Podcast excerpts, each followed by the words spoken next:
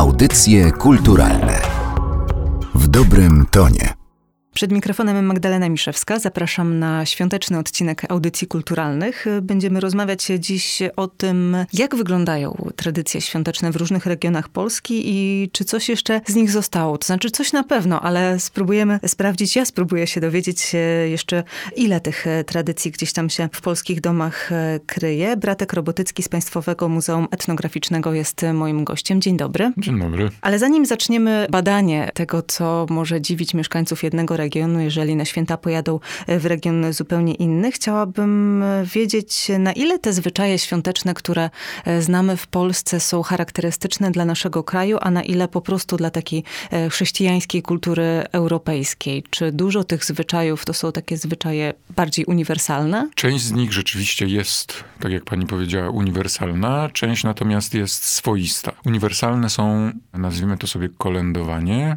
Ono ma charakter lekko karnawałowy karnawałowy. Uniwersalny był też ich symboliczny wymiar, natomiast współcześnie znowuż uniwersalny jest ich symboliczne odtwarzanie. Znaczy symboliczne i odtwarzanie. Dlaczego tak to rozdzielam? Ze względu na to, że nie ma już rzeczywistości, do której te zwyczaje się odnoszą. W sensie nie wierzymy już ani w duchy, ani w to, że zjadając jabłko z choinki czy z jakiegoś innego tam wiszącego kawałka gałęzi będziemy zdrowi. Tej rzeczywistości już nie ma. Robimy to, niektórzy to robią, ale już tylko dla samej praktyki i utrzymania pewnej tradycji. I to są właśnie te podobieństwa, bo tak samo i w Niemczech, w Austrii, we Włoszech, Francji zjada się coś, co zapobiega, nie musi to być jabłko, ale coś się zjada, prawda, co zapobiega ewentualnemu na przykład, nie wiem, chorobom gardła, wykonuje się pewne magiczne zabiegi, które zabezpieczają naszą trzodę, czy jakieś inne przedmioty, nas, w obejściu przed niebezpieczeństwami i to było bardzo uniwersalne. W tej chwili natomiast to wszystko powiedziałbym, że w pewien sposób się odgrywa. No bo tak jak powiedziałem na początku, ten kontekst znikł, prawda? Mamy medycynę, mamy chemię, fizykę i to nam pozwala bardziej funkcjonować niż ta wiara w zabezpieczenie i w tą magiczną moc naszych działań. Ale jeżeli mówimy o tych tradycjach czy o tych zwyczajach, które odnoszą się do świata, którego już nie ma, to mówimy o tych pogańskich, tak? No bo nie, te, zupełnie te, te chrześcijańskie nie. też. Zwyczaj czy tradycja nie jest ani chrześcijańska, ani pogańska. Ona ma charakter bardzo synkretyczny. Na nią składają się zarówno zabiegi przedchrześcijańskie, bo trzeba pamiętać o tym, że przed chrześcijaństwem też były religie. To nie jest tak, że to była jakaś pustka religijna, tylko też były wierzenia, był cel tego wierzenia, był obiekt wiary i tak dalej. Natomiast chrześcijaństwo przyszło właśnie na ten, nazwijmy to, trzon przedchrześcijański i nałożyło swoje wierzenie. I ono się w jakiś sposób zrosło i współcześnie mamy po prostu pewien, nie wiem czy można powiedzieć, konglomerat wierzeń. Natomiast ja tutaj rozdzielam tradycję chrześcijańską i mocno religijną, w sensie uczestnictwo w nabożeństwach i głęboką potrzebę wiary i transcendencji, od tradycji, która ma formę ludyczną i zabawy najczęściej, współcześnie, bo kiedyś miała, prawda, te odniesienia symboliczne, o których mówiłem. Ja chciałam o to zapytać na koniec, ale skoro jesteśmy już e, w tym tym temacie, to może zapytam od razu. Jeżeli uważamy, że te tradycje i zwyczaje odnoszą się do świata, którego już e, nie ma, to czy wytworzyliśmy sobie już jakieś nowe zwyczaje, które odnoszą się do tego świata, który teraz funkcjonuje, czy już nie potrzebujemy sobie czegoś takiego? Ja uważam, że jak najbardziej, że mamy tego typu tradycje. Jeszcze boimy się nazywać to tradycjami, bo no tak, tradycja to... to... się wydaje, że musi być naprawdę no, bardzo stara. Tak, ale na przykład podróże świąteczne. Jest ich bardzo dużo dużo. A kiedyś nie było, bo mieszkaliśmy blisko siebie. Tak jest. Raz, że my możemy właśnie, ze względu na to, że nasze rodziny się rozproszyły, my możemy jechać na święta do kogoś, ale myśląc o podróżach, pomyślałem również o ludziach, którzy uprawiają turystykę w czasie świąt. No bo co? Jest wolny czas,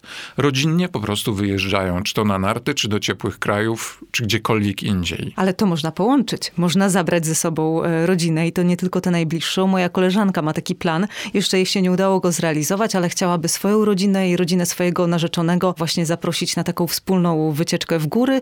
No, najważniejsze chyba dla niej jest to, że spędzą czas razem i nie będą musieli przygotowywać świąt, bo to oczywiście jest e, bardzo czasochłonne, ale właśnie może wtedy bardziej zacieśnią więzi, no bo będą mieli tego czasu dla siebie więcej. Ale to jest właśnie takie połączenie tej turystyki jednak z rodzinnym charakterem świąt. Tak, wydaje mi się, że też zwyczajem, jeśli by patrzeć tak jak wylądowałby na Ziemi kosmita i popatrzył teraz na nas, w takiej sytuacji Umberto Eco patrzył w swoich zapiskach na pudełku od zapałek i w różnych innych takich felietonowych tekstach na ziemian, tak to sobie powiedzmy. I jeśli współcześnie właśnie złapać ten dystans i popatrzeć na człowieka, no to mielibyśmy co? Takimi zwyczajami na pewno będzie ten, e, my mówimy, że on jest okropny, tak zwany konsumpcjonizm, czyli nasze wycieczki do centrów handlowych. Jestem przekonany, że zostałyby odnotowane właśnie jako pewien sposób spędzania, ewentualnie przygotowywania się do świąt. A my współcześnie możemy to w jaki sposób badać? Może to badać ekonomista, może to badać etnograf, na przykład poprzez co kupujemy, dla kogo, kiedy, a potem kiedy otwieramy to, co kupujemy, co z tego przygotowujemy i tak dalej. Czy postępujemy wedle na przykład przygotowanych scenariuszy już tam 100-200 lat temu, prawda, i przygotujemy potrawy, które jadła nasza babcia, mama i tak dalej, czy wymyślamy i na przykład, nie wiem, na stole goszczą sajgonki i nie wiem, kurczak kary, co wcale nie jest e, w jakiś sposób ja uważam, bo nie mam zamiaru tego oceniać, według mnie jest to jak najbardziej akceptowalne bo też wymieszaliśmy się bardzo, prawda? Nie jesteśmy już tak właśnie ograniczeni brakiem możliwości przemieszczania się, tylko napływają do nas różne informacje. Posiadamy przeróżne możliwości. O informacjach mówię na przykład o kuchni, że możemy jeść tajską, nie wiem, chińską i tak dalej. No, taką dużą zmianą jest chociażby zwiększająca się cały czas liczba wegetarian i wegan, którzy też e, albo mogli dostosować te tradycyjne świąteczne potrawy do swoich wyborów e, jeżeli chodzi o tak. kulinaria, albo właśnie zaproponować coś nieco innego. Tak, jak najbardziej trafne spostrzeżenie i oczywiście nie należy ich wykluczać z tego świętowania, bo oni świętują po swojemu. Zresztą świętowanie zawsze ma charakter swojski. To jest e, to, co badają etnografowie. E, nie badają pewnego ogółu. My możemy obserwować pewien ogół i jakieś zbiorowe zachowanie, typu właśnie to, co powiedziałem, wyjście do sklepu na zakupy. E, natomiast już etnograficzne badanie świąteczne byłoby związane z tym, że wykorzystujemy ten, nazwijmy to może tradycyjne, wolne miejsce przy stole. Dla etnografa. Dla etnografa tym razem, tak. I przyglądamy się, o czym przy świątecznym stole się rozmawia, czy na przykład ogląda się telewizję zamiast śpiewać kolęd, czy śpiewa się kolendy, czy zachowuje się jakieś pewne rytuały religijne, no bo wiemy, że jest e, czytanie, prawda, określonego fragmentu Biblii w czasie wieczerzy wigilijnej. No i moglibyśmy to obserwować, czy ludzie praktykują to, czy od tego odchodzą o czym rozmawiają. To też jest jak najbardziej interesujące przecież. Ciekawe jest to, że w Wigilię nie powinniśmy się kłócić, bo to źle nam wróży na cały kolejny rok, a dużo osób ma takie e, wspomnienia właśnie z wieczerzy wigilijnych, kiedy się zbierze duża rodzina o różnych poglądach e, czasami, że ta kłótnia jest wręcz nieunikniona. Tak, no powiedziałem, że tego świata już nie ma, a tutaj pani przytoczyła właśnie miejsce, gdzie ten świat istnieje.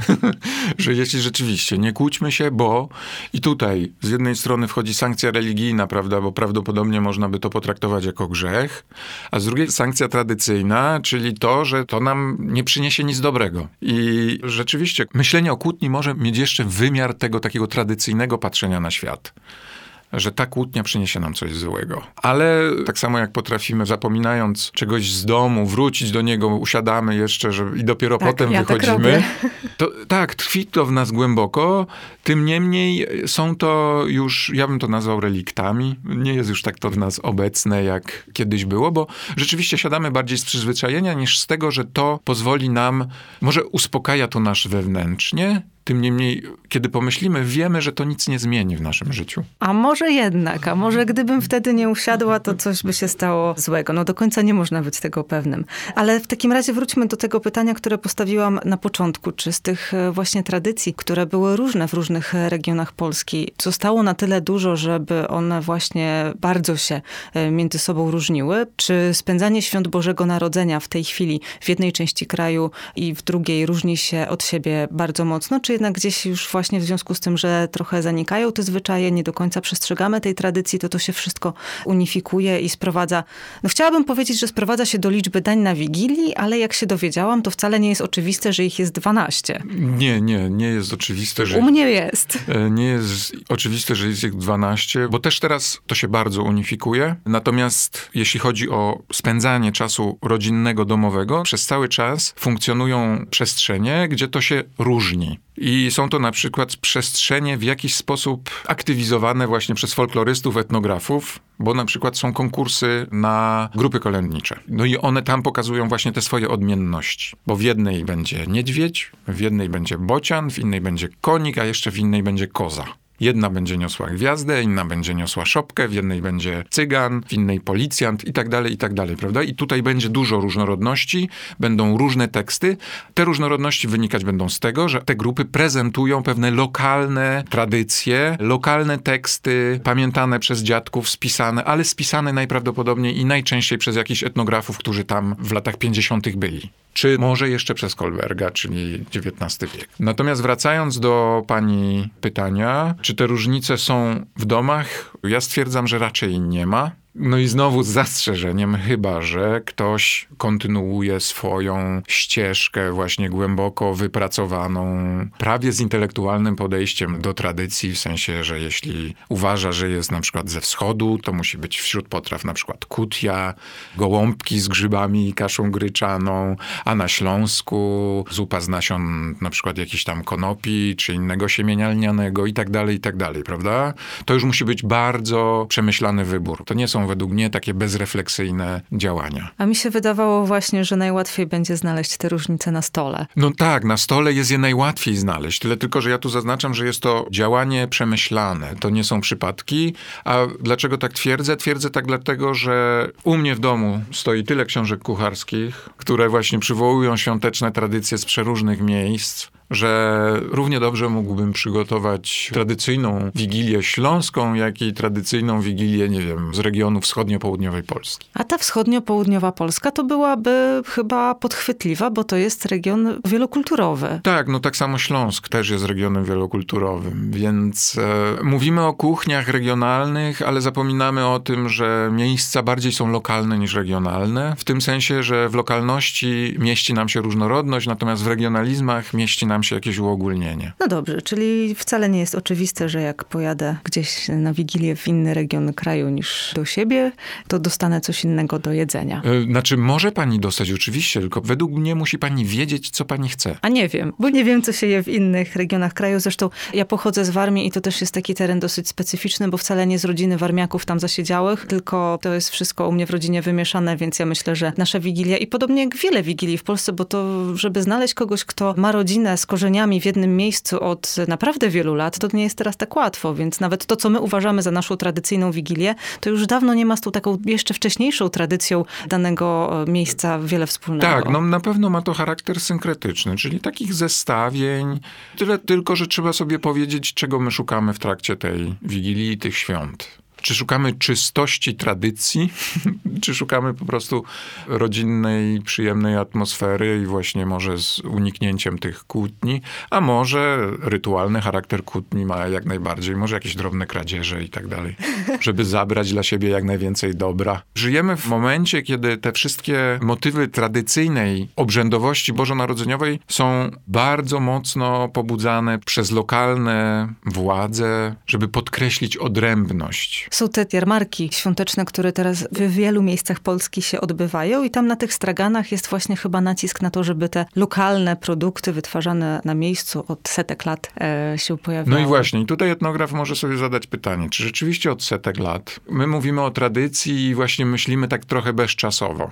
Tutaj trzeba raz podzielić kulturę na tą kulturę zamożniejszą i mniej zamożną, czyli tę biedną szlachtę zagrodową i kulturę chłopską. Oni w gruncie rzeczy, poza tym, że jedni przynależeli do ziemi, nie, nie, no to w gruncie rzeczy, jeśli chodzi o zamożność, to się niczym nie różnili. Może nazwiskami, ale część z tych nazwisk to zweryfikował, prawda, Nekanda Trepka w swojej Liber Hamorum. No i to jest ta sprawa, że tutaj ogromną rolę odgrywało zamożność, dostępność e, ingrediencji przeróżnych do tego, żeby na przykład zróżnicować kuchnię, prawda?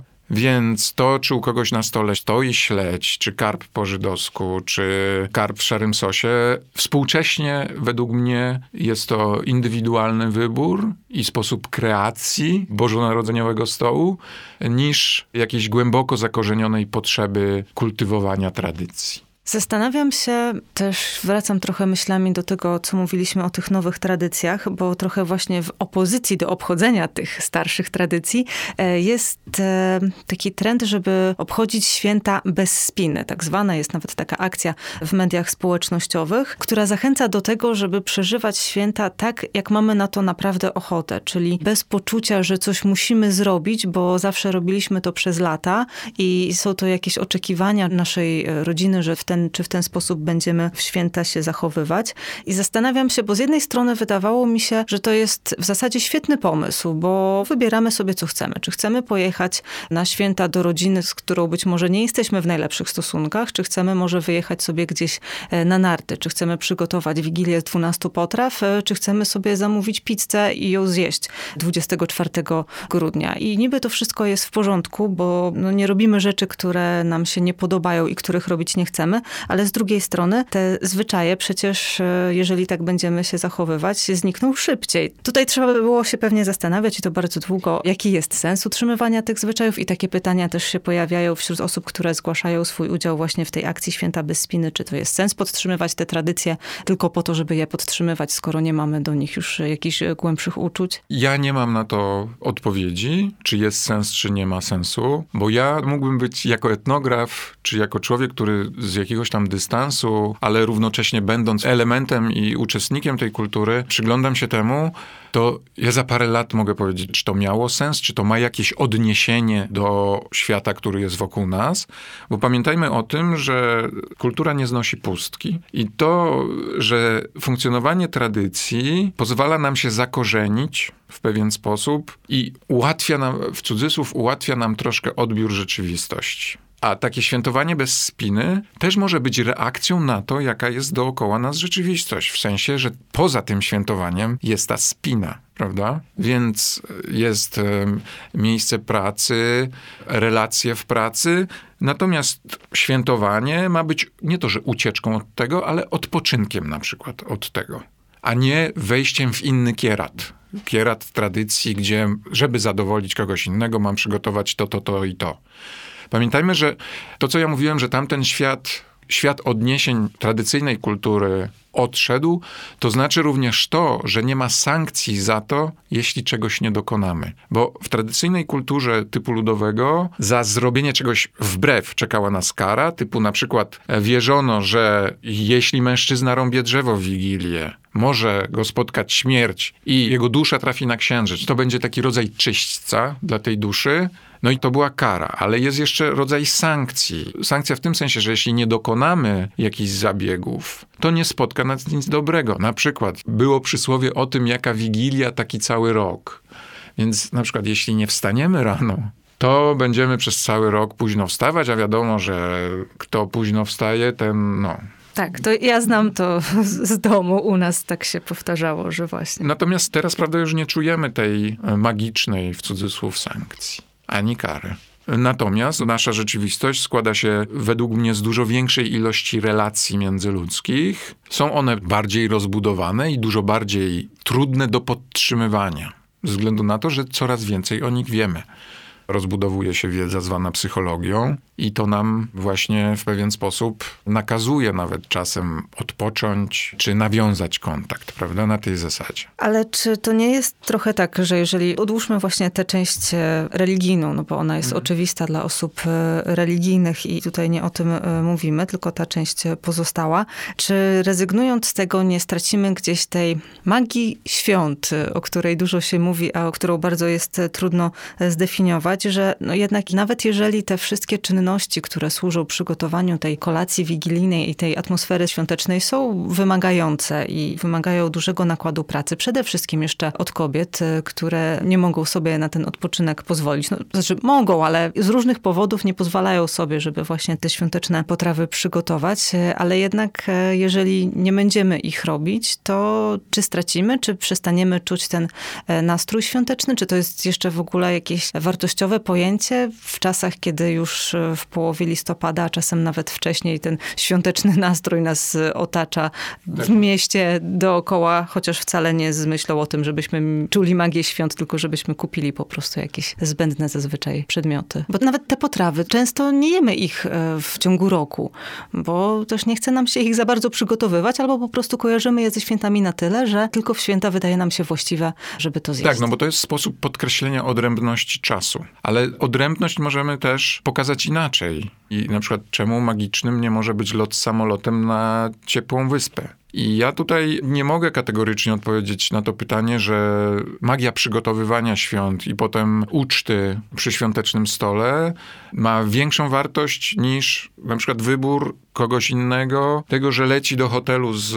all inclusive i wszystko jest mu podane jak na tacy. Tutaj właśnie ja bym nie chciał oceniać. Ja mogę tylko opisać konteksty i jednego i drugiego. Akurat współcześnie one współwystępują i myślę, że one bardzo długo jeszcze będą szły sobie równolegle i te święta będą trwać może się tak stać, że one będą miały coraz mniej religijny charakter, a coraz bardziej rodzinny, przyjacielski i jakiś takiego budowania relacji między ludźmi. Natomiast nie podejrzewam, żeby w przeciągu najbliższych, nie wiem, 30, 40, czyli takiej mojej perspektywy, 30-40 lat one przepadły. Natomiast nie umiem spojrzeć na to perspektywą 100 czy 200 lat. Ale jestem przekonany, że na pewno, jeśli znikną, coś w ich miejsce się zrodzi. Ciekawy jest też e, aspekt prezentów, bo ta tradycja obdarowywania najpierw dzieci, a potem w ogóle siebie w szerszym gronie wcale nie jest e, taka długa, a już teraz mówi się o tym, żeby właśnie w opozycji do konsumpcjonizmu i żeby w trosce też poniekąd o planetę z prezentów rezygnować. Tak, no ale to